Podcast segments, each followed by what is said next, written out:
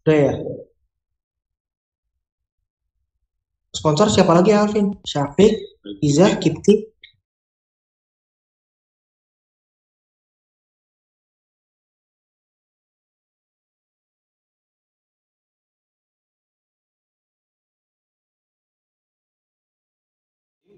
Assalamualaikum warahmatullahi wabarakatuh. Alhamdulillah wassalatu wassalamu ala rasulillah wa ala alihi wa ajma'in amma ba'd brothers and sisters. Alhamdulillah segala puji kita panjatkan kehadirat Allah subhanahu wa ta'ala atas segala nikmat dan taufiknya. Alhamdulillah kita bisa berkumpul pada hari ini bertepatan dengan 22 September 2021 atau bertepatan dengan 16 Sofar 1443 Hijriah. Alhamdulillah dan kita kembali bisa melaksanakan kajian Rabu malam Drabanians dan kali ini berkolaborasi bersama Drabanians Izzah, Alhamdulillah. Dan Alhamdulillah, teman sekalian, pada kali ini kita akan bersama-sama membahas tema muamalah yang rencana mudah-mudahan Allah berikan kemudahan untuk bisa kita jalankan secara berseri. Alhamdulillah, dan insya Allah pemateri kita pada malam ini ada Al-Ustaz Amin Ubaid ST BPA, Hafidhullah Ta'ala yang Alhamdulillah telah bersama kita. Namun sebelum menyapa beliau, tentunya kami mengucapkan terima kasih banyak nih kepada teman-teman yang telah mensupport kegiatan kita, terkhusus kepada rekan-rekan dari Baikirti, FNB yang sudah berjalan sejak 2020 dengan usaha makanan rumahan. Kemudian juga Alhamdulillah kami mengucapkan kepada Aina Syari, produsen busana Muslimah Syari yang baru launching di bulan Juni 2021 Alhamdulillah yang mengusung konsep Confire Stylist. Kemudian juga tentunya kami mengucapkan kepada rekan-rekan dari uh, Syafiq Financial Service, Masya Allah merupakan platform securities crowdfunding syariah yang menjadi jawaban untuk para investor yang ingin berinvestasi secara mudah, aman, dan terpercaya Alhamdulillah. Dan seperti apa nanti kita bisa bahas secara detail di sesi khusus dan tentunya kami mengucapkan terima kasih banyak kepada teman-teman Drabanians Izzah Alhamdulillah sebuah komunitas scale up usaha bisnis sesuai dengan syariah yang semoga menjadi sebuah wadah ekosistem dalam dunia muamalah sesuai syariah yang mendukung pengusaha muslim untuk naik level Alhamdulillah yang menyediakan program pelatihan, pendampingan bisnis, dan juga hingga akses pendanaan. Dan semoga ini sebuah lahan kita bersama untuk bisa belajar ilmu dari bisnis, kemudian juga muamalah syariah, dan menjadi fondasi dasar kaum muslimin dalam muamalah. Masya Allah. Dan tentunya Alhamdulillah, dan Alhamdulillah teman sekalian, kita telah bergabung bersama guru kita, Al-Ustaz Amin Ubaiz, Hafidhullah Ta'ala. Kita akan coba sapa beliau. Assalamualaikum warahmatullahi wabarakatuh, Ustaz. Waalaikumsalam warahmatullahi wabarakatuh. Masya Allah. Gimana kabarnya? Baik teman-teman di TR Iza. Waalaikumsalam warahmatullah. Suara jelas. Jelas Ustaz, mohon izin untuk yang di Clubhouse belum on Ustaz, mohon izin. Di Clubhouse belum on? Ya, ya. Masih di mute.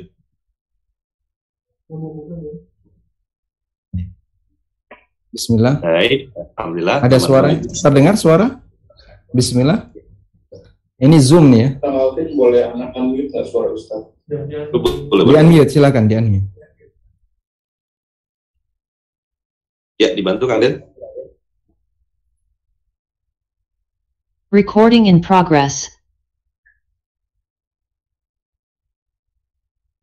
Baik, teman-teman sekalian, sambil menantikan uh, insya Allah kajian kita pada malam ini insya Allah akan tayang langsung di tentunya di Clubhouse Drabanians dan juga tayang juga di YouTube Drabanians dan juga YouTube ANB Channel tentunya Masya Allah.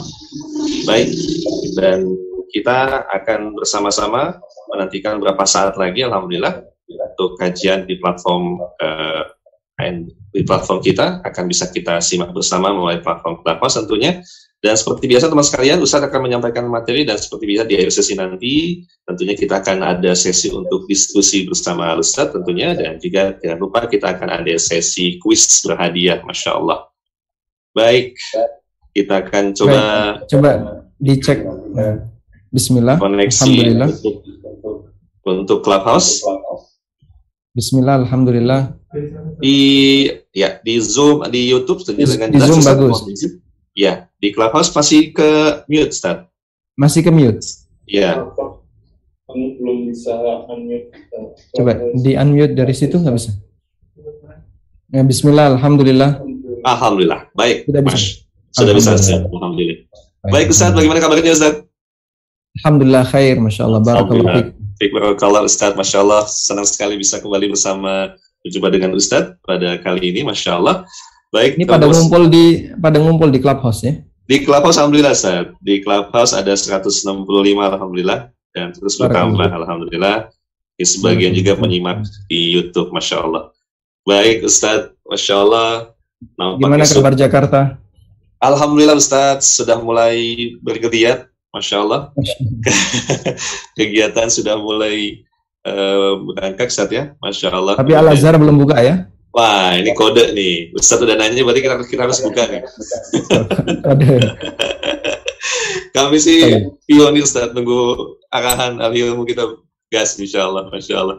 Baik, nah. Ustaz, iya, ini sebuah fakta tadi Alhamdulillah bahwasanya juga banyak teman-teman yang bergabung ke sini sedang berikhtiar berbisnis kemudian juga ya sebagian pivot saat ya beradaptasi dengan kondisi kemudian juga bisnis online yang awalnya sampingan kemudian juga menjadi usaha utama Ustaz ada yang dari reseller, distributor, kemudian juga ada yang produksi sendiri, kemudian juga ada buka sistem PO dan banyak dengan berbagai jenis macam usaha Ustaz, baik itu makanan, minuman, bumbu dapur, fashion dan sebagainya nih Mas. Tapi kemudian juga kita satu sisi bersyukur bahwa ada semangat uh, usaha dari teman-teman ya. yang juga ini sebuah pasangan dari kondisi yang ada, tetapi juga alhamdulillah ada juga ada yang terjun kemudian juga berusaha untuk serius Ustaz. Namun tentunya yang kita bahas pada malam ini Ustaz, kita sangat meyakini tentunya bahwasanya uh, kita perlu perlu ilmu tentu saja karena kita khawatir dengan tema yang kita usung kali ini agar bagaimana kita berbisnis tetapi tidak tersesat saat ya masya Allah karena tentunya selain nafkah juga menjadi sebuah bagian dari kita mencari hal yang halal untuk masuk ke diri kita dan juga keluarga kita. Nah, saat mungkin saat bisa berikan uh, ilmu kepada kami bagaimanakah sesungguhnya teman-teman yang akan mulai akan mulai berusaha atau mungkin ada yang mulai awalnya sampingan tetapi juga tetap berjalan bagaimana mungkin ada tips dari Ustadz kepada Ustadz mungkin kami silahkan Ustadz Baik, ini judulnya judulnya menakutkan ya. iya Ustadz, betul sekali Ustadz, Masya Allah. Mudah bukan penganut ISIS tapi ya? Oh bukan Ustadz, bukan Ustadz, Insya Allah. Mudah kita di, ya. Baik, Assalamualaikum warahmatullahi wabarakatuh. Waalaikumsalam warahmatullahi wabarakatuh. Alhamdulillah wassalatu wassalamu ala Rasulillah wa ala alihi wa sahbihi wa mawala. Wa ashhadu an la ilaha illallah wahdahu la syarikalah wa ashhadu anna Muhammadan abduhu wa rasuluh sallallahu alaihi wa ala alihi wa sahbihi wa sallama tasliman katsira thumma amma ba'd. Yang pertama kita menyapa dulu kepada teman-teman yang sudah tergabung di Clubhouse TR Iza ya. Semoga Allah Subhanahu wa taala memberikan keberkahan bagi usaha teman-teman yang ingin uh, lebih mendalami, lebih paham tentang bagaimana cara bisnis yang syar'i.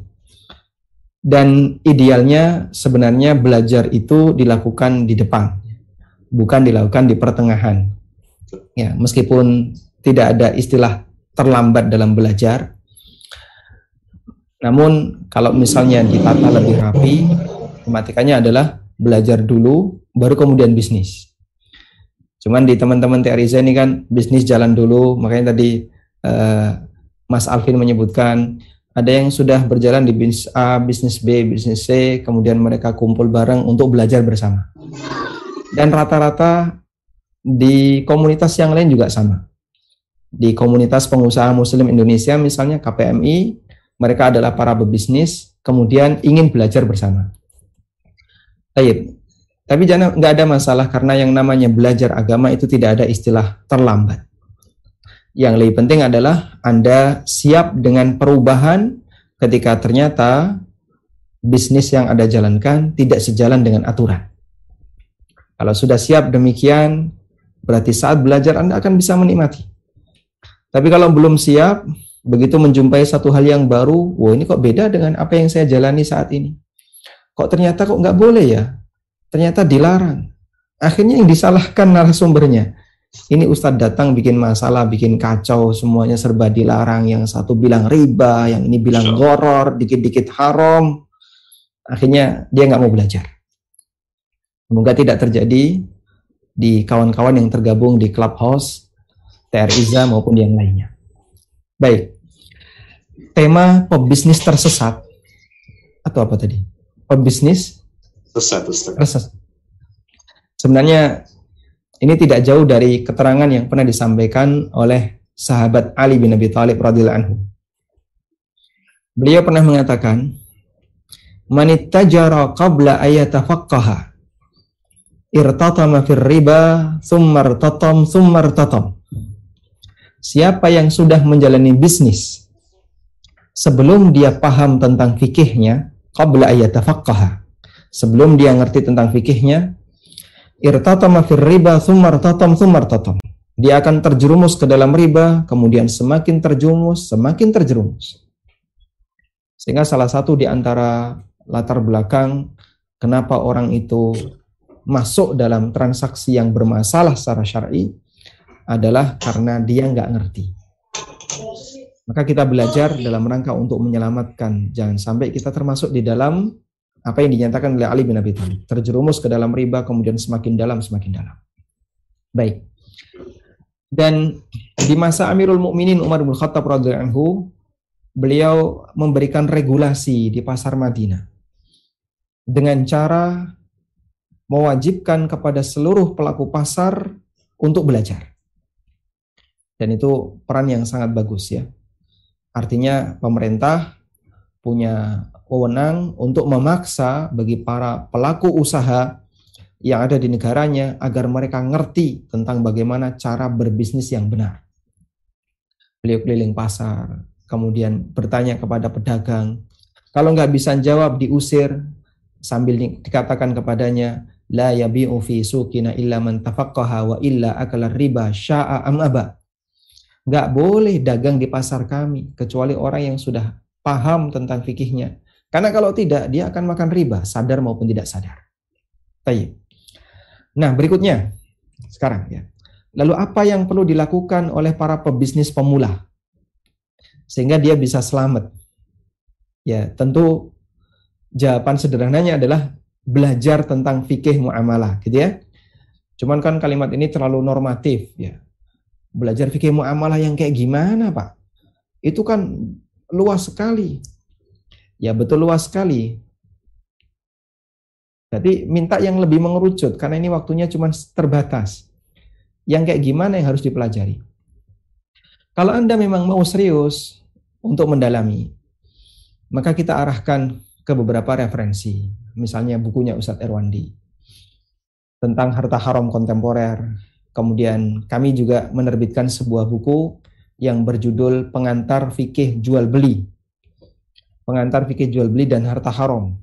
Saya bisa sebut buku ini adalah uh, buku basic ya. Buku yang paling dasar kalau orang ingin tahu tentang seperti apa sih jual beli yang yang sesuai aturan fikih itu.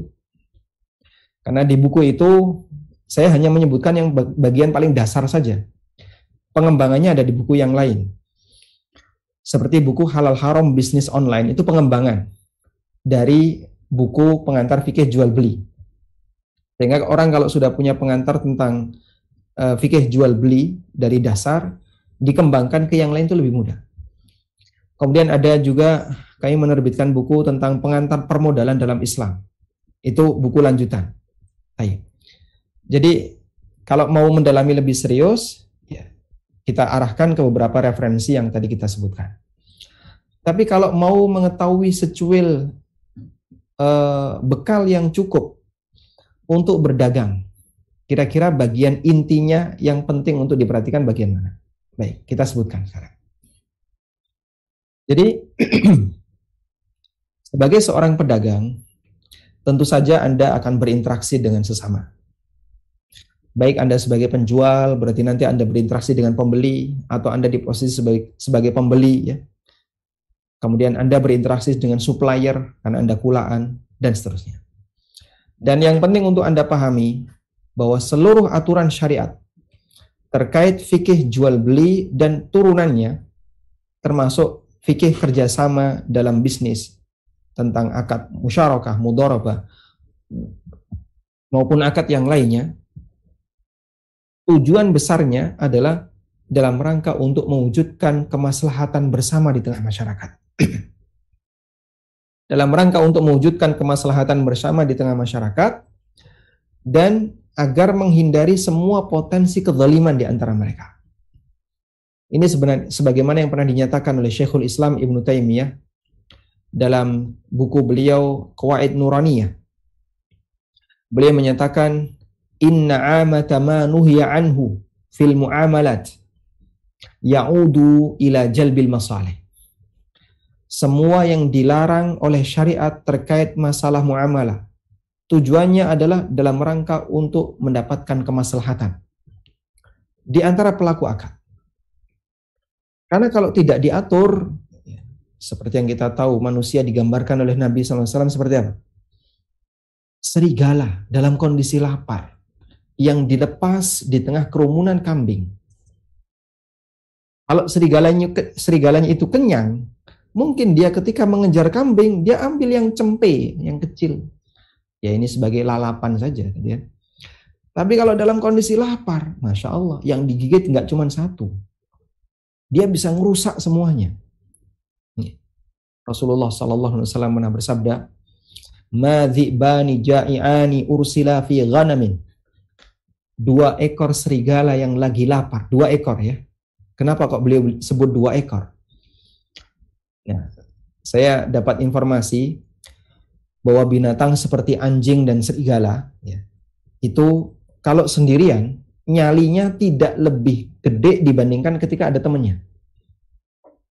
Sehingga anjing itu kalau nyerang antara anjing sendirian dengan ada kawannya itu lebih lebih apa? Lebih pemberani kalau dia ada kawannya. Sehingga Nabi SAW menyebut dua serigala. Karena pemberaninya makin ganas gitu ya. Nyalinya makin gede untuk menyerang. Ursila dia dilepas. Dalam kondisi lapar. Fi ghanamin dalam gerombolan kambing. Dua serigala yang dalam kondisi seperti ini tidak lebih merusak dibandingkan rusaknya agama seorang hamba disebabkan karena rakus terhadap dunia dan jabatan. Sehingga orang kalau tidak dikasih aturan, wah dia bisa sembarangan jamaah. Sikut kanan, sikut kiri, sampluk kanan, sampluk kiri gitu kan. Yang penting pokoknya gimana saya bisa dapat duit sebanyak-banyaknya. Tapi Allah Ta'ala kasih aturan. Dan tujuan besar aturan itu adalah dalam rangka untuk mewujudkan kemaslahatan. Baik. Selanjutnya apa yang perlu kita waspadai? Ya. Hukum asal dalam muamalah adalah mubah. Dan itu kaidah. Al-aslu fil muamalat lil ibaha illa ma dallad dalil ala man'ihi. Hukum asal dalam muamalah adalah mubah kecuali jika ada dalil yang melarang. Baik. Sehingga pada asalnya kita itu boleh bermuamalah dengan skema apa pun. Dengan cara apa pun, terserah. Manusia boleh berkreasi. Karena pada asalnya muamalah itu urusan kehidupan di dunia. Dan Nabi SAW mengatakan, Antum a'lamu bi umuri dunyakum. Kalian lebih ngerti, lebih paham tentang urusan dunia kalian. Dan muamalah bagian dari urusan dunia.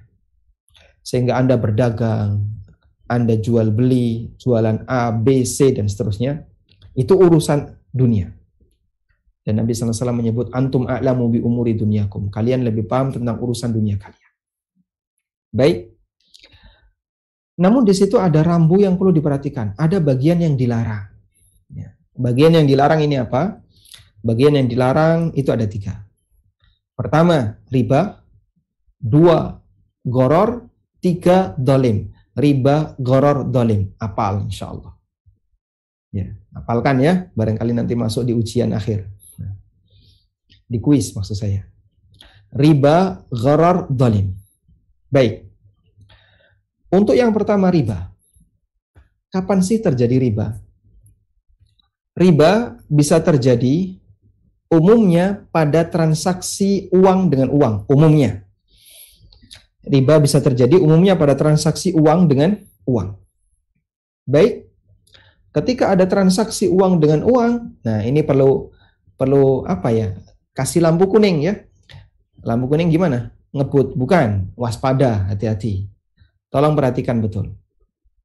Karena transaksi uang dan dengan uang ini sensitif terjadinya riba. Betul tidak dilarang, tapi ketika meleset kena riba. Baik. Ada pernyataan yang disampaikan oleh Ibnu Rushd. Ulama Malikiyah. Beliau mengatakan ya, uh, tentang masalah sarf. Kata beliau, Babus sarfi min adyaki abwa riba. Tentang transaksi sarf. Transaksi sarf itu uang ditukar dengan uang. Transaksi uang dengan uang. Termasuk di antara transaksi yang paling ketat dalam masalah riba. Yang paling ketat dalam urusan riba. At-takhallusu minar riba liman kana amaluhu sarfu asirun. Karena itu untuk bisa terbebas dari transaksi riba bagi orang yang terbiasa dengan transaksi uang dengan uang itu cukup sulit. Karena batasnya sangat ketat. Ya. Illa kan illa man kana min ahli ma'rifati wal wara kecuali orang yang dia punya sifat warok dan ahlul ma'rifah. Ahlul ma'rifah artinya dia kenal tentang batasannya, dia tahu tentang batasannya. Dia tahu batasan halal dan haram. Sehingga Ibnu Rus mengatakan bermain di dunia uh, apa? Di dunia uang, ya. di dunia keuangan itu perlu karena ini yang paling ketat batasannya terkait transaksi riba. Ya. Sehingga barangkali ada di antara kawan-kawan yang uh, bermain di dunia fintech misalnya, bermain di dunia apa uang digital, ya. ini perlu untuk diwaspadai karena transaksi riba itu banyak terjadi di masalah keuangan. Baik. Kemudian selanjutnya adalah transaksi riba sangat rentan terjadi dalam praktek utang piutang atau jual beli yang tidak tunai, jual beli kredit, kemudian uh, utang piutang. Nah, biasanya yang terjadi itu begini, orang sulit membedakan antara akad permohonan dengan akad utang piutang, itu sulit membedakan. Sehingga saat kerjasama kesepakatannya ini mudoroba, ini musyarakah. Padahal aslinya kalau kita lihat lebih detail, ini bukan mudoroba ini. Ini transaksi utang. Ini bukan musyarakah, ini lebih dekat kepada court. Transaksi court. Ya, karena mereka tidak bisa membedakan. Nah, makanya di bagian ini penting untuk tahu. Baik, apa yang perlu dibedakan? Sekarang kita lihat dulu transaksi riba di dunia utang piutang. Baik. Semua transaksi yang melibatkan utang piutang jika yang diserahkan adalah uang, maka tidak boleh ada manfaat apa pun. Karena semua manfaat dari transaksi utang adalah riba. Kullu qardin jarra naf'an riba. Semua utang yang menghasilkan manfaat, manfaat itu riba. Karena itu ketika ada transaksi utang tidak boleh ada manfaat apa pun, nggak boleh ada kelebihan, nggak boleh ada uh, hadiah atau manfaat apa pun. Insya Allah kita paham ini. Lalu transaksi yang tidak tunai untuk jual beli, jual beli kredit. Ya. Maka di situ tidak boleh ada perubahan harga. Mohon diperhatikan ya. Tidak boleh ada perubahan harga disebabkan karena penambahan waktu. Tidak boleh ada perubahan harga disebabkan karena penambahan waktu pelunasan terhadap barang. Tapi boleh ada variasi harga pada saat penawaran. Jelas insya Allah ya. Saya ulang. Dalam transaksi yang tidak tunai, jual beli kredit, Di situ tidak boleh ada perubahan harga disebabkan karena perubahan waktu, tapi diperbolehkan ada variasi harga di saat proses penawaran. Insya Allah dipahami? Baik. Contohnya gimana Pak? Ada variasi harga di saat penawaran. Misalnya, saya menjual barang A, anggaplah motor. Motor ini saya jual kredit. Harga kredit eh, 20 juta. Tapi kalau tunai, kalau tunai kredit satu tahun 20 juta, kalau tunai 17 juta. Sehingga ada selisih 3 juta antara tunai dengan kredit satu tahun. Kredit 2 tahun jadi eh, misalnya 23 juta. Ya. Sehingga tambah satu tahun saya ngambil margin tambahan 3 juta. Baik. Kayak gini boleh atau tidak? Kok harganya bervariasi. Tunai 17, kredit setahun 20, kredit 2 tahun 23. Selama itu di fase penawaran adanya variasi dipersilahkan. Boleh. Kenapa? Karena penawaran itu belum ah, belum akad karena fase penawaran belum terjadi akad. Sehingga nggak jadi masalah ada variasi seperti itu. Dan nanti ketika konsumen milih, Anda mau pilih harga yang mana? Saya mau kredit setahun. Baik, deal. Berarti dia ngambil kredit setahun harga 20 juta. Sudah? Ketika sudah deal, harga 20 juta dibayar selama setahun, terjadilah transaksi. Qadarullah ternyata konsumen tidak bisa lunas selama setahun. Maka di saat itu berlaku kaedah tadi ya, tidak boleh ada penambahan harga disebabkan karena penundaan waktu pelunasan. Sehingga nggak boleh. Ya kalau begitu Pak, Bapak selesaikan selama 2 tahun, tapi harganya jadi 23. Nggak boleh kayak gitu. Kayak gitu nggak bisa. Kalau itu terjadi, masuk riba masuk dalam kategori riba jahiliyah sebagaimana keterangan Qatadah Ibnu Di'amah. Di antara bentuk riba jahiliyah tadi ya, orang jual beli kredit, pada saat jatuh tempo dia nggak bisa lunas, maka temponya ditambah dan harganya dinaikin. Baik. Selanjutnya, kita tinggalkan jual beli kredit.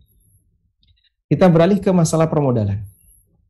Nah, di sini ada perbedaan yang kadang jarang orang itu tahu ya di mana posisinya sebagai uh, transaksi kerjasama dan mana posisinya sebagai akad utang piutang. Baik. Perbedaan utang dengan akad mudorobah atau kerjasama itu ada pada apa? Pada resiko. Ada pada resiko. Kalau akad utang semua resiko ditanggung oleh orang yang membawa duit, oleh orang yang berutang. Tapi kalau dalam akad mudoroba, dalam akad mudoroba, resiko dibagi bersama. Ya. Sudah? Sebagai konsekuensinya, utang tidak boleh dapat keuntungan, kalau mudoroba boleh ada keuntungan. Maka berlaku satu kesama, eh, satu eh, persamaan ya. Peluang untung sama dengan resiko rugi. Sehingga siapa yang mau peluang untung, maka dia harus siap dengan resiko rugi. Ini kaidah paling baku dalam praktek mudoroba dan musyarakah. Kalau orang kaidah ini nggak paham dan belum bisa melaksanakan, jangan lakukan mudoroba. Pasti nanti akan ada banyak masalah di belakang dan banyak laporan tentang praktek mudoroba di lapangan. Ya. Banyak sekali laporan tentang praktek mudoroba di lapangan. Masalahnya di bagian ini. Pemodal tidak mau nanggung resiko, minta modalnya dikembalikan. Ya. Kemudian sementara pengelola sudah nggak punya dana sama sekali, akhirnya mereka saking, saling tegak. Rata-rata di bagian ini. Atau unit usahanya rugi, kemudian sudah tanah modal, dia merasa dirugikan, terus minta balik. Padahal kalau untung dia senang, bisa mendapatkan keuntungan bagi hasil. Jadi yang dipikir jangan cuma bagi hasilnya saja, resikonya juga perlu dipikir. Baik, selanjutnya. Di antara perbedaan yang lain, tadi satu ya, masalah resiko. Perbedaan yang lain adalah dalam mudoroba, bagi hasil itu harus berdasarkan hasil. Makanya disebut bagi hasil. Disebut apa? Bagi berdasarkan hasil. Karena itu tidak boleh nilai bagi hasil dikembalikan ke modal. Misalnya bagi hasilnya berapa? 40, 60 atau bagi hasilnya 10%. Nanti kamu saya kasih bagi hasil 10%. Dari apa? Dari modal yang Bapak setorkan. Bapak kemarin setor berapa? 100 juta. Berarti bagi hasilnya 10%, 10 juta tiap bulan. Itu flat nanti jadi, flat 10 juta tiap bulan. Itu apa bedanya dengan riba? Nggak ada bedanya dengan riba. Nah terus yang benar gimana mas? Yang benar bagi hasil berdasarkan hasil. Hasil kamu dari usaha ini flat atau gimana? Oh enggak, namanya hasil yang fluktuatif ya. Kadang laris ya, kadang nggak laku. Akhirnya ketika pandemi hilang, ya, rugi. Ketika uh, kajian di Azhar buka, masya Allah dia bisa jualan, laris. Setiap Rabu malam laris. Nanti setelah itu sepi selama sepekan, Rabu malam lagi laris lagi. Jadi namanya hasil kan fluktuatif. Maka bagi hasil juga fluktuatif. Karena itu salah satu di antara ciri riba dengan bedanya dengan mudharabah. Kalau riba bagi hasilnya flat. Bapak dikasih flat. Tapi kalau mudharabah dia fluktuatif. Itu kurang lebih perbedaan antara riba dan mudharabah yang perlu kita perhatikan. Selanjutnya kita beralih kepada permasalahan praktek jual beli. Pelanggaran berikutnya, nah di praktek jual beli yang sering terjadi adalah pelanggaran berikutnya, yaitu masalah goror. Di mana posisi goror ini?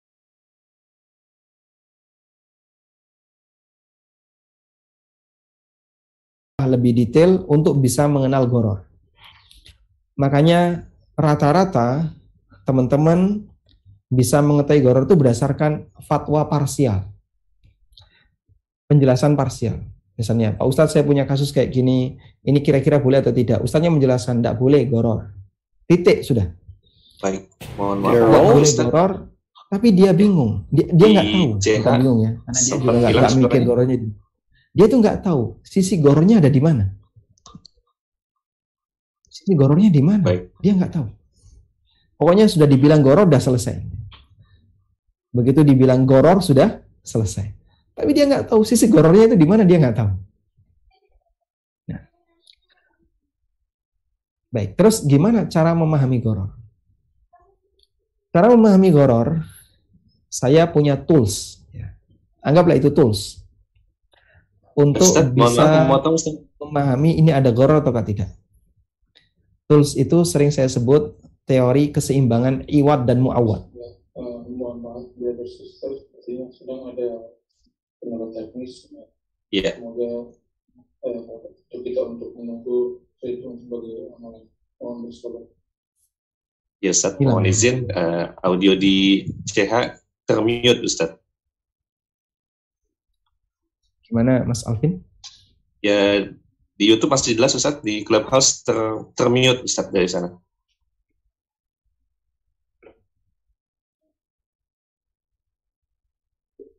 Ya. Di Clubhouse lancar. Ya. Tes. Masya Allah.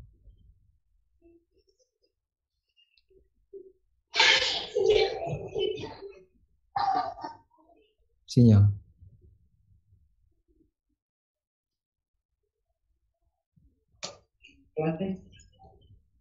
Ya, silakan. Lanjut. Eh, suara saya di Clubhouse lancar? Saya nggak bisa mantau. Belum, di Clubhouse? Belum, masih putus? Iya. Bismillah, Alhamdulillah. Sudah masuk Ustaz di. Sudah masuk. Masuk. Coba yes. di, diperiksa zuri, Dipantau. Hah? Oh, poor connection. Di tempat kami ada kendala sinyal cukup serius ya. Kalau kalian mohon bersabar bahwa saya sedang ada kendala, masalah, sedang ada kendala teknis dan sedang kita kondisikan. Insya Allah beberapa saat lagi semoga Allah berikan kita kemudahan untuk bisa kembali. Kita baru, baru saja akan memasuki ke poin uh, goror Insya Allah yang nanti beberapa saat lagi Ustaz akan kembali bergabung dan akan kembali uh, bisa meneruskan materi setelah memasuki bab goror. Dan tentunya kita bisa memanfaatkan waktu untuk bisa refresh room sejenak teman-teman sekalian, kami ucapkan terima kasih banyak kepada teman-teman yang telah hadir, Masya Allah, telah bergabung 277 teman-teman di Clubhouse. Silakan masih ada waktu untuk bisa kembali mengajak rekan-rekannya untuk kembali bergabung di Clubhouse dan juga silakan mungkin bisa di screenshot dan juga di share story dan mengajak teman-teman yang akan bergabung. Baik, dan tentunya kami ucapkan terima kasih banyak kepada teman-teman dari Syafiq, kemudian juga Drabanian Iza, kemudian juga Bayi Kipti, dan juga Aina Syari yang telah support kegiatan kita, dan di akhir sesi nanti kita akan bersama-sama melaksanakan kuis. Alhamdulillah Ustadz telah menyampaikan uh, bab penyampaian materi terkait uh, riba dan juga peluang-peluangnya, dan kita akan masuki kepada bab uh, gor. Kita akan coba cek sejenak di Clubhouse. Bismillah. Alhamdulillah. Di YouTube, Alhamdulillah masih bergabung, tapi di Clubhouse suara masih belum masuk. Uh, coba di apa di restart.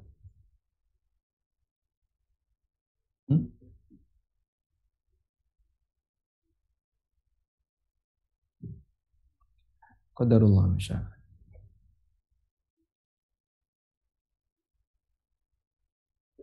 Baik teman-teman sekalian, Alhamdulillah kita masih menantikan koneksi kita bersama Ustaz Amin Durbait, Safidullah Ta'ala, Alhamdulillah. Dan Alhamdulillah, kita akan coba atasi sambil mohon kepada Allah atas kondisi teknis yang eh, terjadi. Semoga berikan kita kemudahan dan teman sekalian diharapkan untuk bisa mencatat faedah-faedah yang telah Ustaz sampaikan karena nanti di sesi akan ada kuis dan juga tentunya faedah yang kita catat akan sangat bermanfaat bagi kita. Dan seperti yang bisa sampaikan ya Mas bahwasanya eh, butuh waktu khusus, sesi khusus untuk bisa untuk buat kita untuk belajar terkait bagaimana berbisnis yang benar agar kita terhindar dari menjadi pebisnis yang tersesat tentunya. Putus waktu kita di malam ini tentunya tidak uh, cukup akan membahas panjang lebar. Baik. Kita akan ya, coba sapa. Assalamualaikum. Waalaikumsalam warahmatullahi wabarakatuh. Di Clubhouse suara lancar? Alhamdulillah lancar Ustaz. Lancar. Alhamdulillah. Alhamdulillah. Baik. Masya Allah. Masya Allah. Alhamdulillah. Baik. Baik Ustaz. Tadi terakhir masih Ustaz baru masuki ke poin goror Ustaz kemudian terputus. Baik. Uh, sudah langsung kuis atau lanjut goror? Belum Ustaz. Silakan Ustaz, saya lanjut dulu Ustaz. Uh, Berikutnya goror ya. Tadi ya. kita sudah bahas riba. Selanjutnya kita bahas goror. Tadi saya sampaikan ada satu tools yang insya Allah ini cukup mudah untuk digunakan sebagai media mengenali goror. Jadi tools itu saya sebut dengan teori keseimbangan iwat dan muawat iwat sama dengan muawad. Ada salah satu mahasiswa S2 di uh, eh, UI, Universitas Islam Indonesia, yang membuat tesis dengan judul Iwat dan Muawad. Jadi beliau ingin mendalami teori itu dan dijadikan sebagai sebuah tesis. Katanya mau diterbitkan, wallahu alam. Um, jadi tentang teori iwat dan muawat Iwat itu adalah apa yang kita serahkan. Muawat artinya apa yang kita terima. Sehingga kalau Anda membeli membeli apa? Membeli HP seharga 3 juta. Anda bayar 3 juta uang, lalu Anda menerima HP, maka iwatnya adalah 3 juta, HP-nya muawat. Anda membeli air mineral senilai 3000. Anda serahkan uang 3000 lalu Anda mendapatkan air mineral maka iwatnya adalah uang 3000, muawatnya adalah air mineral dan demikian seterusnya. Selanjutnya, um, ketika dilakukan transaksi jual beli, maka harus ada nilai keseimbangan iwat dan muawat dalam arti dua-duanya harus jelas. Keduanya harus jelas. Iwat harus jelas, muawat harus jelas. Jika salah satu tidak jelas, di situlah masuk dalam kategori goror. Jika salah satu tidak jelas, terjadilah goror. Baik, sehingga goror itu sebenarnya dilakukan saat ada praktek jual beli namun tidak ada kejelasan terhadap unsurnya. Tidak ada kejelasan terhadap unsurnya. Contohnya, jual beli janin yang masih ada dalam kandungan. Dilarang oleh Nabi SAW. Nah Rasulullah SAW an bai'i habalil habalah. Rasulullah SAW melarang jual beli habalul habalah. Contoh yang lain, jual beli ijon. Buahnya masih kecil-kecil. Kapan dipanen? Ya kurang lebih empat bulan lagi. Wah, empat bulan lagi ini nanti kalau rontok gimana? Ya resiko. Nabi SAW melarang. Nah Rasulullah SAW an bai'i thimar qabla ayyab dua. Rasulullah SAW melarang jual beli buah-buahan sebelum layak untuk dipanen. Sehingga setiap transaksi di mana dalam transaksi itu ada sisi ketidakjelasan terhadap unsurnya, maka transaksi itu masuk dalam kategori goror. Nah, cara untuk mengukur tadi, iwad dan muawad keduanya harus jelas. Saya membeli janin ya yang ada dalam kandungan induknya. Ini berapa janin sapi ini? Karena masih janin murah, 3 juta. Saya bayar 3 juta. Nunggunya kapan? Ini insya Allah akan lahir tiga bulan lagi. Saya tunggu tiga bulan lagi. Ada nggak jaminan sapi ini akan lahir selamat? Ada nggak jaminan nanti akan lahir dengan jenis kelamin jantan atau betina atau yang lainnya? Tidak ada. Nggak ngerti semuanya, nggak jelas. Maka tiga jutanya jelas, iwatnya jelas, tapi muawatnya nggak jelas. Ya, apa yang saya dapatkan tidak jelas dan transaksi ini hukumnya dilarang masuk dalam kategori jual beli goror. Baik. Nah turunannya dari itu cukup banyak. Di antaranya adalah menjual barang yang belum dimiliki. Menjual barang yang belum dimiliki, ya. Di mana konsumen melakukan akad dengan penjual dan dia penjual belum memiliki barang itu. Ya, penjual belum memiliki barang itu. Ini ilahnya masuk ke goror. Ya, ilahnya masuk ke goror. Dan saya kira sebagian besar transaksi goror yang dipraktikkan oleh pedagang kurang lebih di posisi ini. Ya. Misalnya, si A sebagai pembeli datang ke B, penjual. Lalu dia tawar-menawar dengan B, deal di harga 300 ribu tawar menawar apa misalnya baju ya. di harga 300 ribu. Tapi B ketika itu belum kulaan baju, belum beli baju. Maka si A membayar 100 ribu sebagai DP dan nunggu nanti bajunya sampai. Kalau baju sampai, baru nanti akan diantarkan kepada A. Padahal bajunya belum dibeli oleh B. Nah, di situ ada gorornya. Sisi gorornya gimana? Nggak ada jaminan B bisa dapat baju itu. Dan pembayaran A tidak tunai. Cuman 100 ribu. Sehingga nanti akan menimbulkan masalah. Maju mundur. Ini gimana ini? Bajunya nggak ada. Sementara B gandoli. B tetap bertahan. Kalau bisa jangan ditarik ya uang 100 ribu. Kemarin udah saya pakai untuk nyari barang. Nah, ini nilai kecil Pak, 300 ribu.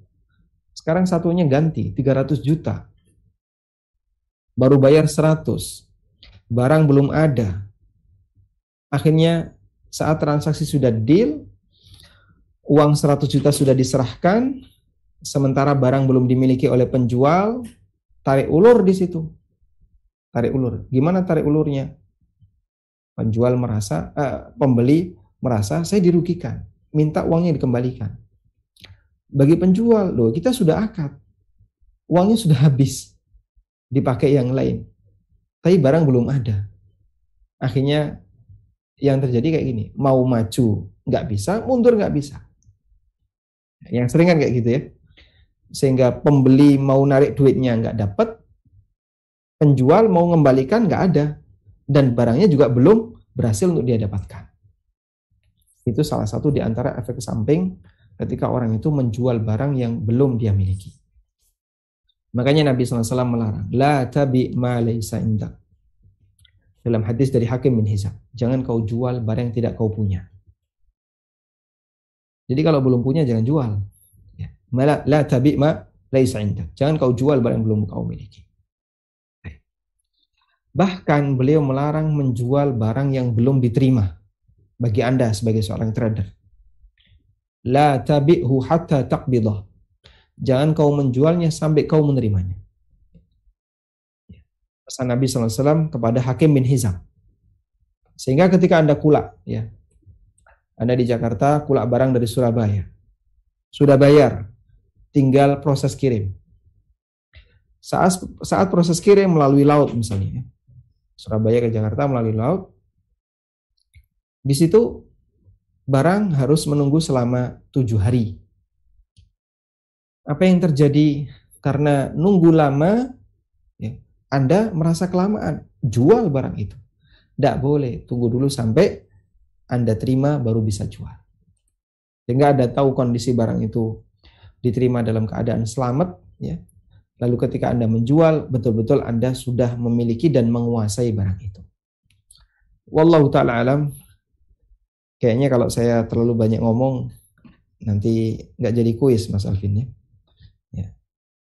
Sampai di sini dulu ya pengantarnya. Nah, kalau mau belajar lebih serius ya tadi ya, bisa ikuti program workshop yang diselenggarakan oleh TR Iza bisa juga dengan membaca buku kalau Anda ingin baca langsung. Dan uh, mungkin Anda juga bisa ikuti beberapa kajian yang diselenggarakan oleh para asatidah yang membahas masalah muamalah. Wallahu a'lam. Wassallallahu ala nabiyyina Muhammadin wa ala alihi wa sahbihi. Masya Allah, syukur Ustaz atas penyampaiannya. Kembali sendiri Ustaz sudah menyampaikan bahwasanya kunci agar tidak menjadi pebisnis tersesat adalah ilmu ya tentunya yang mungkin kita sangat yakin tidak akan sangat cukup ya untuk bisa belajar di sesi malam ini.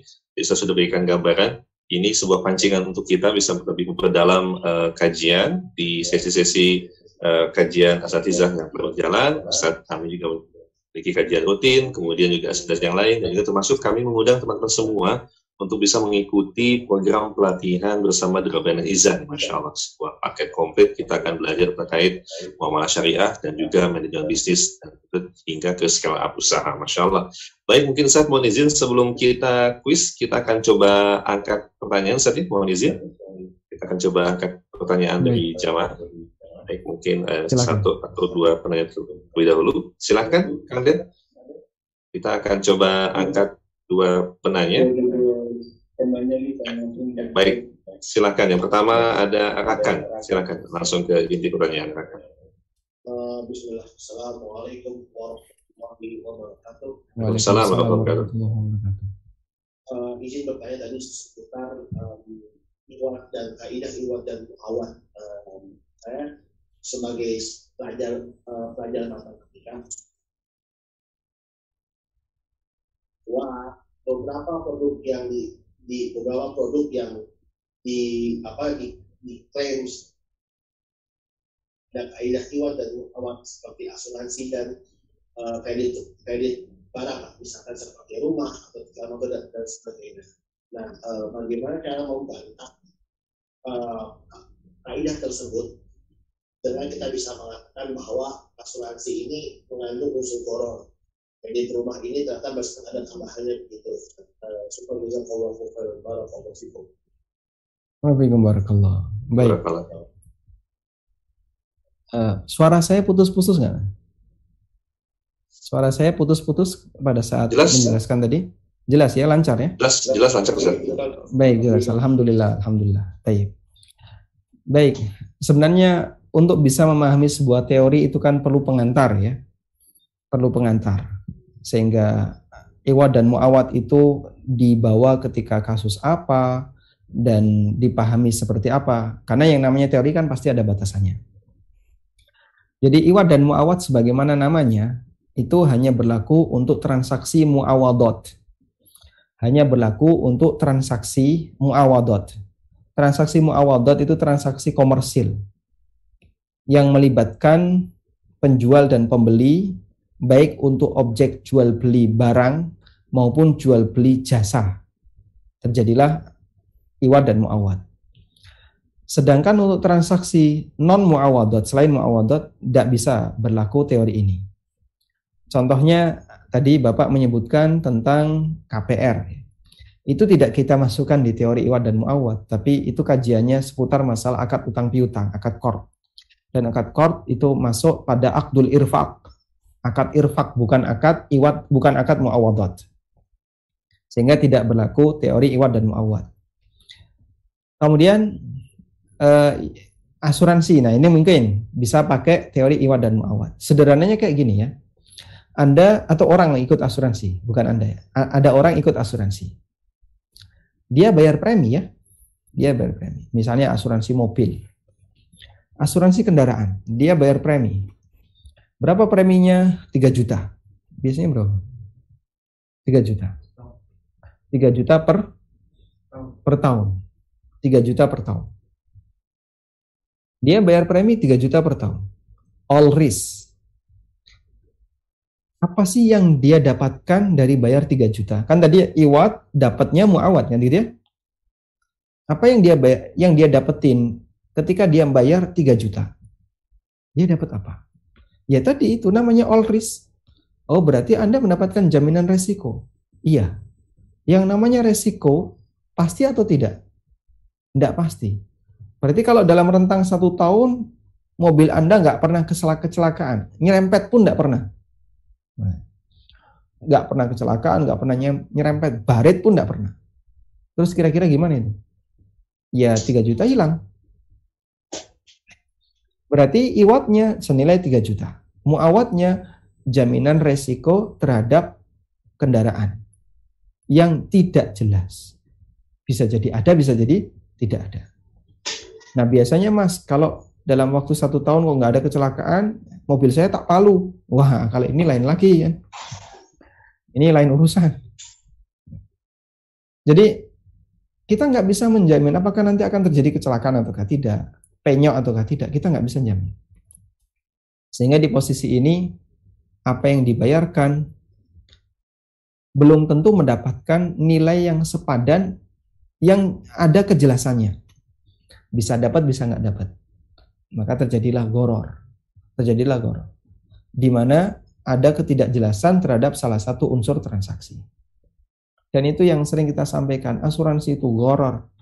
Di dunia ini ada dua perusahaan yang melanggar yang melanggar uh, muamalah. Yang satu perusahaan riba, yaitu bank-bank ribawi. Yang kedua perusahaan goror, yaitu asuransi. Dua ini dan dua ini kan kadang gandengan ya. Makanya eh, perusahaan-perusahaan riba itu kadang juga menjual asuransi. Semoga bisa dipahami. Wallahu a'lam.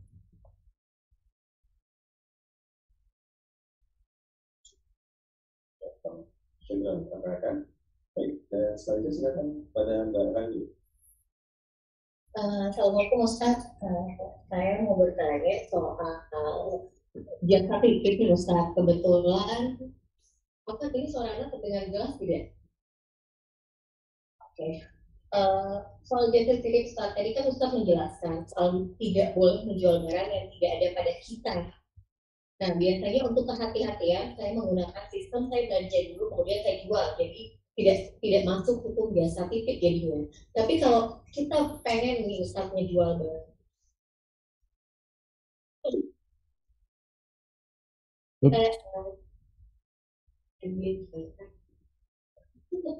Ustaz, biar tidak terborong. Putus. Ya, Waalaikumsalam warahmatullahi Saya belum begitu jelas bagian terakhir pertanyaannya tadi. Coba diulang. Bisa Uh, jadi kayak gini Ustaz, kita makan kaca kalau apa namanya? Eh, jadi kayak gini Ustaz. Kalau misalnya apa namanya?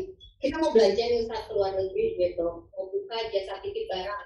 Brand tertentu. Kita kan kadang agak takut-takut nih Ustaz kalau misalnya harganya agak lumayan mahal. Ikan ternyata eh, customer itu batal gitu Ustaz. Nah tapi kita mau buka jasa titip untuk membelikan suatu barang tertentu gitu Ustaz itu dalam sistem syariat Islam yang aman kita bisa gunakan sistem seperti apa Ustaz Baik. kita aja Ustaz Baik. Jasa titip itu ada dua skema ya. Ada dua skema yang bisa digunakan dan insya Allah dua-duanya syar'i. Yang pertama adalah skema wakalah. Skema jadi wakil. Di posisi ini orang yang membuka jasa titip dia berhak dapat fee sesuai kesepakatan. Ya. Sehingga misalnya Anda di posisi di luar negeri. Lalu ada orang di Indonesia ingin beli barang tertentu titip kepada ibu. Ya. Maka dengan skema wakalah bisa dilakukan dengan cara uh, klien ini transfer uang senilai harga barang, senilai harga barang, kemudian ke rekening ibu ya. Setelah itu ibu belikan barang yang diinginkan dan harus sesuai dengan kondisi real. Artinya harganya tidak boleh di markup, kalau dapat diskon sekalipun harus dikembalikan kepada konsumen, kepada klien. Anda tidak boleh ngambil margin sepeser pun. Sesuai kondisi real. Kalau butuh biaya transport, misalnya naik taksi untuk ke toko, silahkan minta kepada klien. Sehingga sama seperti saya nyuruh orang, tolong belikan telur, ya. berapapun harga telur dia harus lapor sesuai kondisi real. Misalnya kok sekilo 15 ribu, dia harus lapor 15 ribu. Saya bayar 15 ribu. Tadi biaya kamu perjalanan berapa? Saya naik ojek 10 ribu, saya kasih 10 ribu. Plus fee, fee-nya berapa? 5 ribu. Nah seperti ini berdasarkan kesepakatan. Sehingga kalau pakai skema wakala, Anda hanya berhak untuk dapat ujroh, fee, dan tidak boleh menaikkan harga barang. Sehingga nggak boleh double ya. Eh, barangnya sebenarnya murah ini. Tapi saya naikkan dulu, saya ngambil margin. Oh jangan, karena Anda hanya wakil. Dan wakil tidak boleh ngambil margin. Hanya berhak dapat fee. Baik. Putus nggak ini penjelasannya? Jelas, Ustaz. Jelas. Tapi kalau kita kita menentukan di awal harga barang segi Baik. Berarti pakai skema yang kedua sekarang ya. Yang penting pokoknya suara saya nggak putus. Skema yang kedua. Nanti kalau putus, Mas Alvin langsung angkat kartu merah ya. Eh, skema yang kedua, Anda bisa gunakan skema murabahah lil amir bisyira atau musawamah lil amir bisyira. Skema ini caranya seperti ini ya. Dua tahapan. Tahap satu rencana akad, tahap dua berakad. Tahap satu rencana akad, tahap dua berakad. Karena Anda belum punya barang, berarti tidak boleh berakad. Bolehnya berencana akad. Bisa dipahami ya antara rencana akad dengan akad?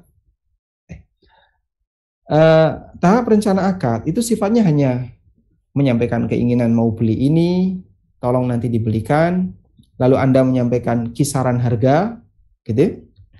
Tapi tidak ada deal-dealan, sehingga tidak mengikat sama sekali. Kalaupun konsumen nggak jadi beli, sah-sah saja, karena baru rencana akad. Nah, selanjutnya Anda belikan barang itu. Dan di sini setelah Anda beli, Anda boleh ngambil margin. Dengan tadi ya, harganya sudah ditetapin di awal. Lalu Anda ngambil margin dari harga pokok plus margin jadilah har- harga yang tadi Anda sebutkan di awal. Anda bilang ini harganya 100 dolar. Padahal Anda beli 80 dolar. Anda ngambil 20 dolar margin. Boleh. Di tahap awal ketika Anda belum punya barang, Anda tidak boleh akad tapi boleh rencana akad. Begitu Anda sudah punya barang, tawarkan ulang. Saya sudah belikan, ini jadi beli atau tidak? Harganya 100 dolar. Jadi deal, deal. Tolong transfer, nanti barang akan saya kirim. Seperti itu. Nah, pada saat Anda sudah membeli barang, lalu Anda menawarkan, jadi beli atau tidak? Kok ternyata konsumen nggak jadi? Mohon maaf Pak, saya nggak jadi beli. Anda tidak boleh sakit hati. Kalau sakit hati boleh deng, tapi Anda tidak boleh maksa. Ya.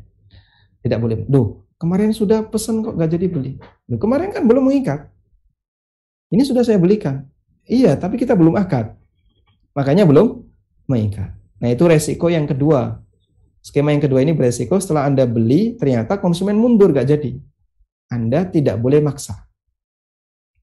Wah, nanti saya sakit hati dong, Pak. Wah, itu urusan pribadi ya. Anda bisa jual ke yang lain. Makanya kalau boleh saran, untuk barang yang nilainya murah, Anda bisa pakai skema yang kedua. Sehingga ibu bisa ngambil margin yang lebih. Tapi untuk barang yang nilainya mahal, gunakan skema pertama, wakalah tadi, lebih aman. Transfer dulu, tak belikan. Saya dikasih fee berapa. Insya Allah itu lebih aman. Wallahu alam.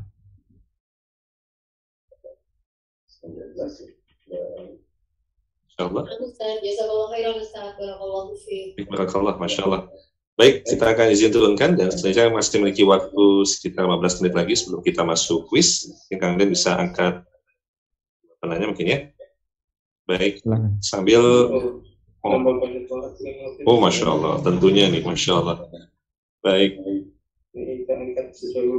ya boleh. Baik, dan tentunya kita akan bersama-sama dari kebersamaan hingga pukul 21 nanti dan kemudian kita akan quiz masing sampai dengan 21.15 insya Allah. Terima kasih banyak pada Ustaz atas waktunya dan juga tim. Baiklah masuk juga Rendra, silakan Rendra. Assalamualaikum warahmatullahi wabarakatuh. Waalaikumsalam warahmatullahi wabarakatuh. Semoga Ustaz dan panitia kajian selalu dalam selalu senantiasa dalam lindungan Allah dalam kebaikan. Amin. amin. Amin walaka bimithlin. Ustaz, apabila mau tanya eh, terkait ini Ustaz tentang ekspor ya.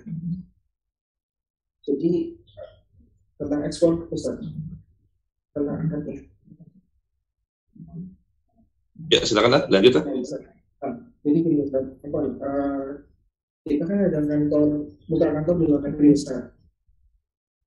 Lalu eh, biasanya kita hanya mewakili dari perusahaan di Indonesia, tapi kita tidak akad sebelumnya dengan perusahaan yang ada di Indonesia. Lalu kita membuka akad namanya ICPO, Ustaz. Irrevocable Corporate Purchase Order, yaitu kontrak yang tidak bisa dibatalkan. Hmm. Nah, setelah itu mereka akan menerbitkan yang namanya SBLC, Ustaz. Standby Letter of Credit, di mana ini bank officernya si buyer dengan kita dengan sesama bank officer itu sama-sama menaruh eh, kayak uang garansi gitu di bank. Hmm.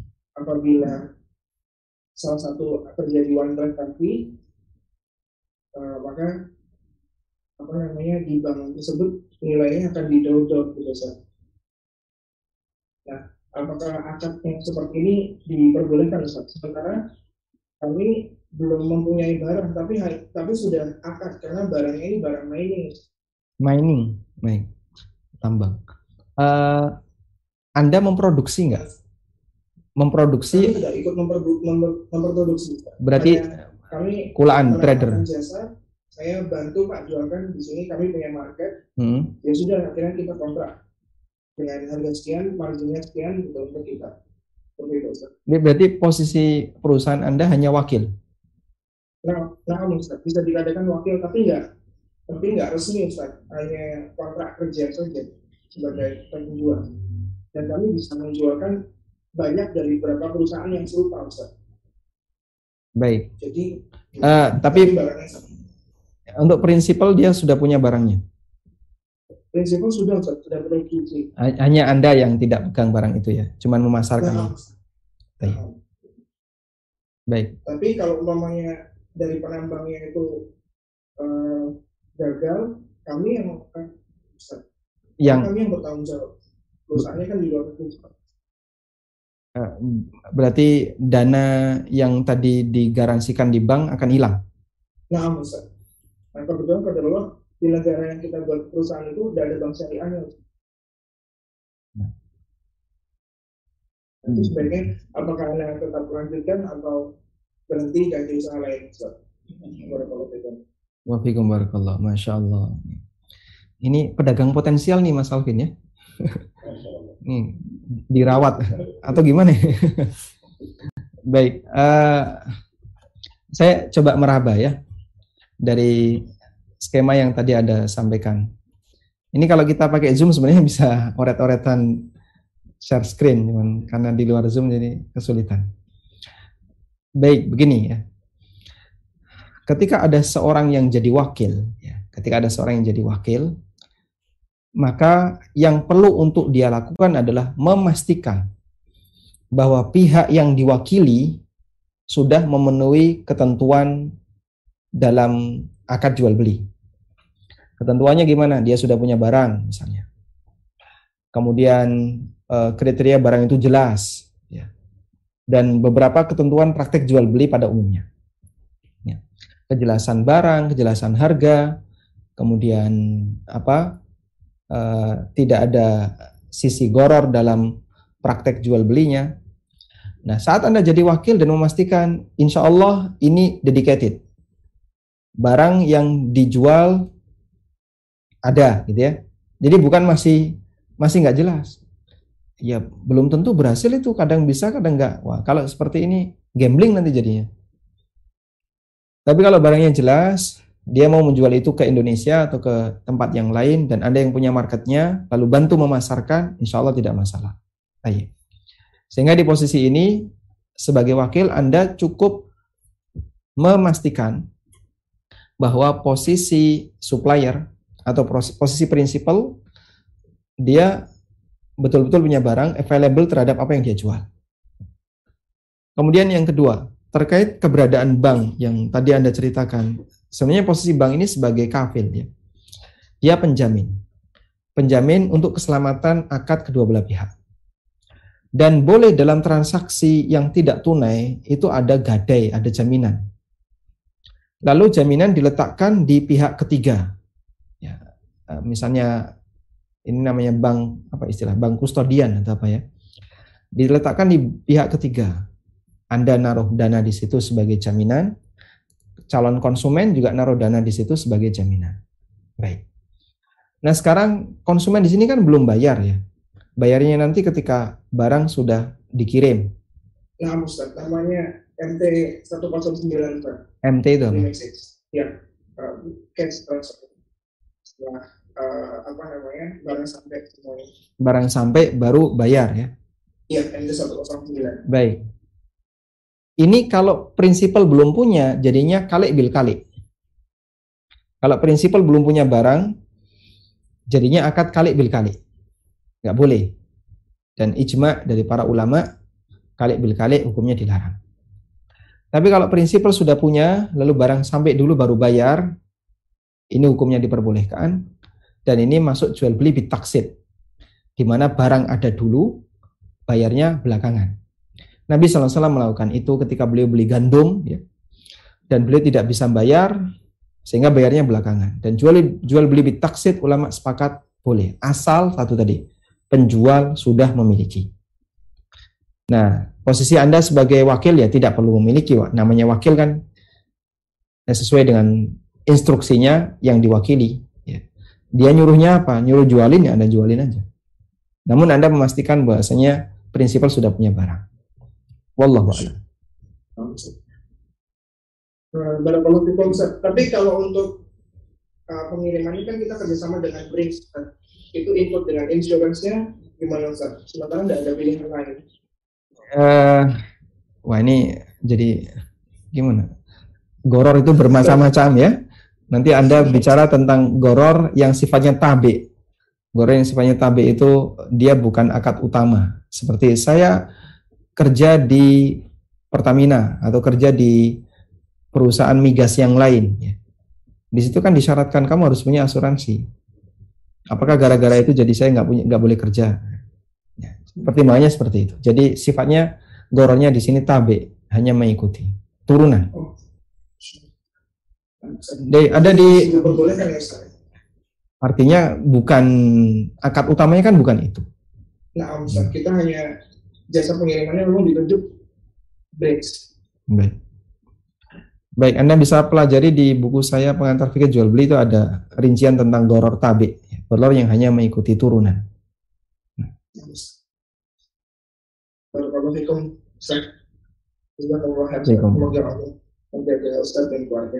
Amin. Waalaikumsalam. Waalaikumsalam warahmatullahi wabarakatuh. Insya Allah sudah pukul 20.55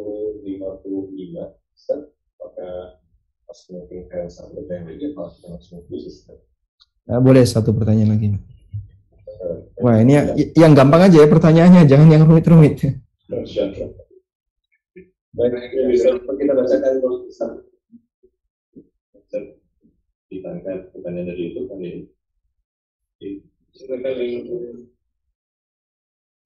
Baik, mohon izin kita angkat pertanyaan dari YouTube. Baik, Ustadz, izin bertanya, jika kita menjadi reseller produk atau toko, tetapi dalam akadnya si reseller wajib membayar biaya member, misal 100 ribu per bulan, Ustadz. Tidak ada target penjualan. Apakah ini dibolehkan, Ustadz? Reseller diminta bayar biaya member 100 ribu Ribu per bulan. per bulan. Iya. Baik. Eh, pakai teori tadi, Iwat dan Muawat nanti ketemu ya. Saya bayar 100 ribu itu dapat apa? Nah, sehingga penanya perlu menjelaskan apa yang Anda dapatkan ketika Anda diminta untuk bayar 100 ribu. Kalau yang kalau jawabannya adalah saya diizinkan untuk memasarkan. Kalau tidak bayar 100 ribu, maka tidak diizinkan memasarkan. Nah, berarti kita bisa sebut 100 ribu itu adalah biaya izin memasarkan.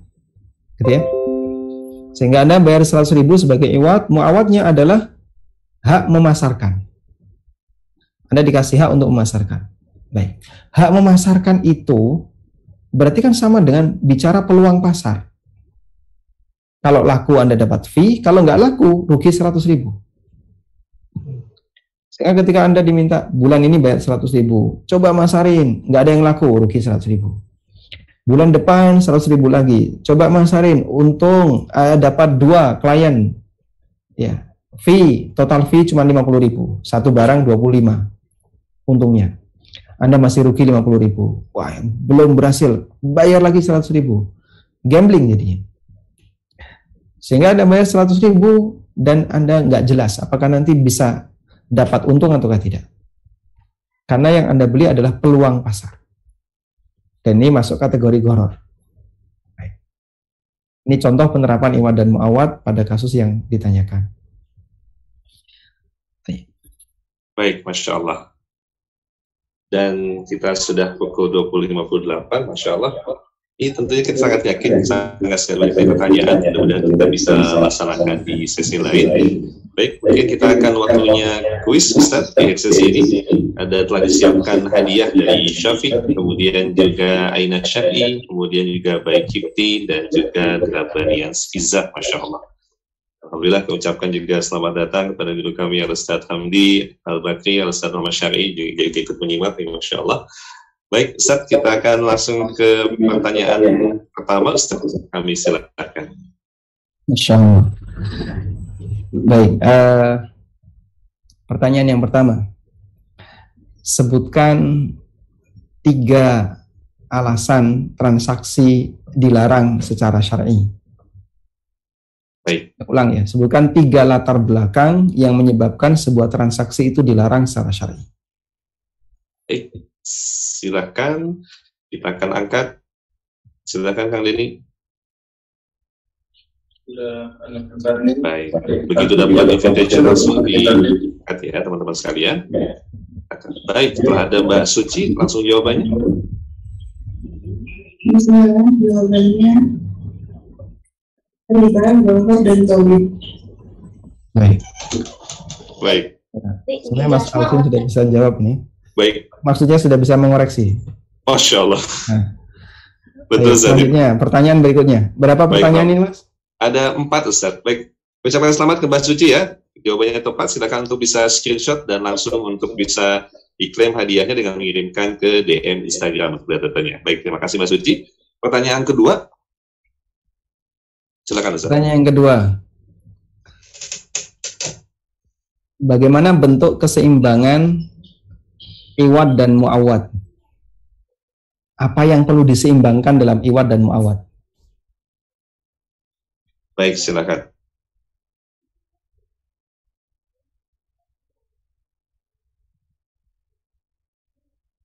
Baik, silakan Mbak Nur. Bismillah itu jawabannya harus ada kejelasan, ada buat dan. Karena kalau tidak ada kejelasan mengungkapkan salah satunya, maka kita mencoba rokok. Baik, alhamdulillah jawabnya betul ya. Iya. Masya Allah. Selamat Mbak Nur. Alhamdulillah. Silakan untuk bisa langsung screenshot dan diklaim hadiahnya ke DM Instagram Rabanias. Masya Allah. Kalau Taufik. Baik, pertanyaan berikutnya Ustaz. Mohon izin silakan. Hadiahnya masih berapa Pak? Masih dua lagi Ustaz. Oh masih dua. Ada, nih. ada enam Ustaz. Ustaz. Oh gitu. Baik. Tergantung waktu Ustaz. Silakan. Pertanyaan berikutnya. Sebutkan dua perbedaan antara mudoroba dengan riba. Masya Allah. Silakan teman-teman. Baik, Masya Allah. Banyak sekali. Silakan Kang Ded. Yang paling dulu. Silakan. Iya, Masya Allah. Silakan, Mbak Wida. Bismillah, yang pertama dari suka utang. Jadi kalau untuk eh, utang eh resiko yang utang itu merupakan resiko daripada orang hutang libur bersama. Kemudian yang itu untuk dari eh, flat membagi hasil jadi itu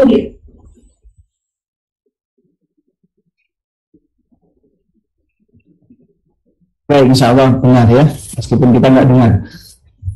Tapi kurang lebih, ya, kurang lebih se- seperti itu. Ya. Putus kan Mas Alvin tadi suaranya? Bisa disimak, Ustaz, jawabannya? Ya tadi suara putus, tapi insya Allah eh, kita proyeksikan benar. Karena sudah merempet di istilah-istilah yang benar. Baik, insya Allah benar. Masya Allah. Insya Allah hadiahnya halal, Ustaz. ya? Halal, insya Allah. Masya Allah. Hakimnya antum. Yang jadi hakim antum ya. Masya Allah, Ustaz, Ustaz. Karena nggak mungkin melangkai. Kalau antum nilai benar-benar. ya. Baik, Mbak Wida bisa langsung di screenshot ya, dan langsung diklaim hadiahnya ke DM Instagram. Baik, pertanyaan keempat. Silakan, Ustaz. Pertanyaan yang keempat ya. Eh, sebutkan satu asar, boleh pakai terjemahnya saja, yang menyebutkan tentang bahaya orang yang belum belajar ketika berbisnis. Baik, silakan.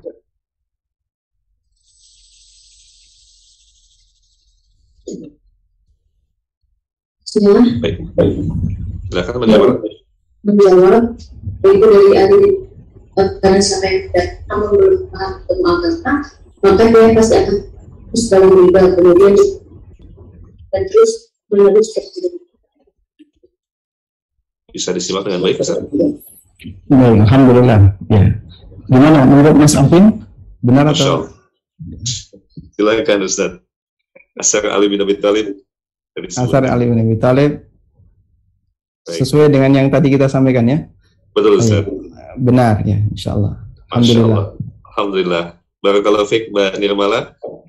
Selamat dan silakan bisa langsung di screenshot dan dikirimkan ke DM Instagram dengan juga data-datanya Ustaz. Alhamdulillah. Setelah empat pertanyaan, Ustaz masih ada waktu, kita masih memiliki dua hadiah lagi Ustaz. Dua dia lagi. Iya. Berikutnya, sebutkan skema ideal untuk eh, kasus just tip. Masya Allah.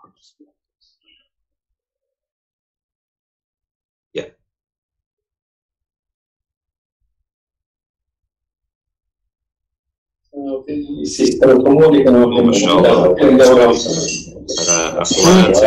Saya curiga ini yang brothersnya ini nonton sambil tiduran atau gimana?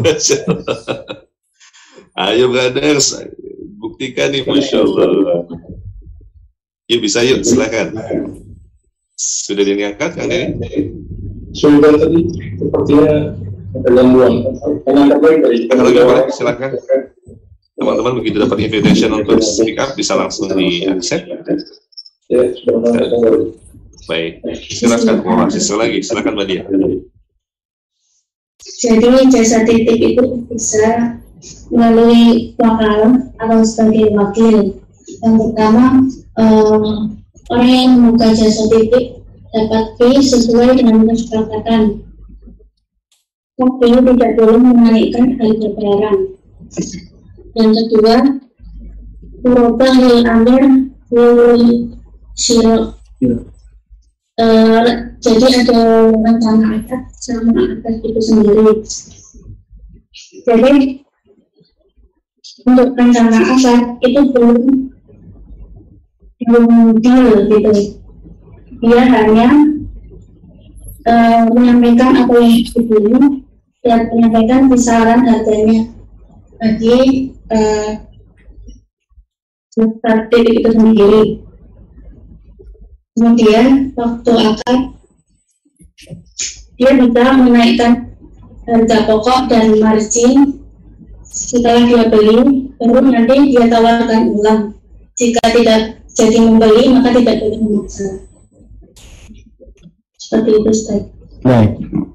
Insya Allah berat dapat hadiah. Masya Allah. Barakallahu fiki. Selamat Mbak Dia, Masya Allah. Silakan saya langsung di screenshot ya. Masya Allah, dan kirimkan ke DM Instagram. Baik, Ustaz. Si ada pertanyaan terakhir Ustaz? Satu lagi ya. Iya Ustaz, terima kasih. Eh, sebutkan bentuk jual beli kali bil kali. Baik, silakan teman-teman.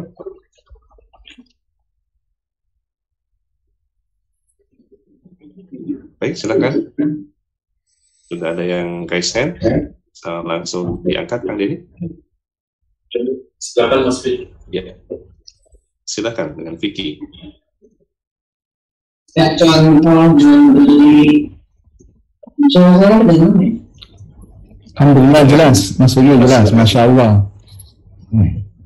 ya, contoh jual beli kali berkali adalah eh, si penjual belum menerima barang dan membeli melakukan pencicilan eh, uang, jadi belum 100% membayarnya. Penjual belum Belum menerima, eh, belum memiliki barang. memiliki, bukan bukan menerima ya, memiliki. Ya, dan pembeli baru melakukan pencicilan dari harga total. Eh, pembeli belum 100%. membayar secara tunai. Masya Allah. Wah, Fik. Ini satu brothers yang menjawab. Berat ya. Ustaz, Alhamdulillah. Alhamdulillah, berarti dapat dua dong. Dapat dua hadiah, biar dua banding satu. Masya Allah. Siap nih amanah di teman-teman Iza. Oh, Jadi iya. dua nih dari Ustaz, nih, Masya Allah. Itu kembali ke kebijakan panitia. Siap Ustaz, Masya Allah. Siap. Selamat. Afiki, Masya Allah. Terima kasih banyak atas jawabannya dan juga kembali membela kehormatan para brothers, Masya Allah. Alhamdulillah. Ustaz di screenshot langsung kirimkan ke DM Instagram ya, Masya Allah. Baik Ustaz, Alhamdulillah telah kita jalani sesi. Sudah ada eh, simpulan penutup untuk pada kita pada malam ini, silakan. Baik. Alhamdulillah, tadi kita telah belajar bersama meskipun dengan waktu yang sangat singkat dan tentu saja masih banyak hal yang belum bisa kita kaji. Maka jika Anda ingin belajar lebih serius tentang seperti apakah cara muamalah yang syar'i, tentu saja kita perlu banyak waktu untuk bisa belajar. Anda bisa bergabung di beberapa lembaga yang mengajarkan itu. Misalnya di KPMI, ada KPMI Entrepreneur School. Ada di TR Iza sendiri ada eh, lembaga apa, pendampingan untuk para pengusaha. Dan kalau Anda ingin belajar tapi hanya sebatas sesuai kasus yang Anda dalami. Saya pedagang A, berarti saya perlu ngerti cara pedagang A yang benar. Nah, itu cukup misalnya Anda tanya kepada narasumber, kepada para asatidah yang Anda yakini bisa memberikan jawaban, dalam rangka memastikan bahwa praktek bisnis yang Anda lakukan adalah praktek bisnis yang tidak melanggar aturan. terutama yang skema-skema baru ya. Anda bersinggungan dengan orang luar negeri atau bersinggungan dengan transaksi yang tidak tunai, nah itu butuh untuk tahu lebih detail. Tapi kalau sebatas jual beli yang tunai, jual beli apa boba time atau jual beli cilok, cilor, nah kayak gitu, nah mungkin tidak perlu tanya ya, karena kan nilainya kecil dan dilakukan secara tunai.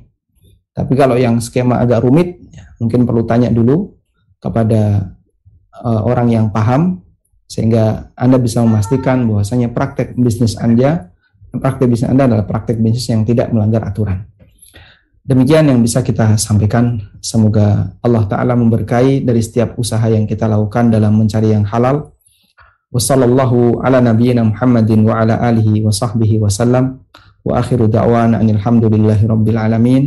Wassalamualaikum warahmatullahi wabarakatuh. Waalaikumsalam warahmatullahi wabarakatuh. Kami mengucapkan syukur wa jazakallah khair kepada kita Al-Ustaz Amin Ubaid STB Alhamdulillah yang telah mendengarkan materi pada kita sekalian demikian teman sekalian kajian kita pada malam ini kami mengucapkan terima kasih banyak kepada seluruh teman-teman yang telah hadir. Dan juga kami mengucapkan terima kasih khusus kepada teman-teman yang telah bersyukur kepada Syafiq kemudian juga Dewan Iza baik Kiti dan juga Aina Syari dan juga kami sampaikan kepada teman-teman sekalian untuk klaim hadiah maksimal Jumat ya. Setelah lewat Jumat hadiah akan kita arahkan untuk uh, di next episode insya Allah. Baik teman-teman sekalian, terima kasih banyak atas kesempatan dan waktunya.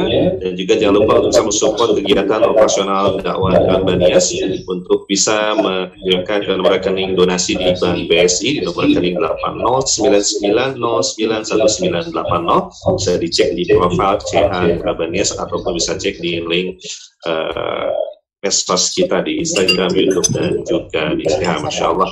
Dan jangan lupa untuk bisa terus support dan nantikan program-program berikutnya dan kita akan jumpa kembali di Rabu yang akan datang dan kita akan mengakhiri dengan membaca doa untuk hadis Subhanakallahumma bihamdika asyhadu an la ilaha illa anta astaghfiruka wa atubu ilaik. Wassallallahu ala nabiyyina Muhammadin wa ala alihi washabihi wasallam. Wassalamualaikum warahmatullahi wabarakatuh. Waalaikumsalam warahmatullahi wabarakatuh.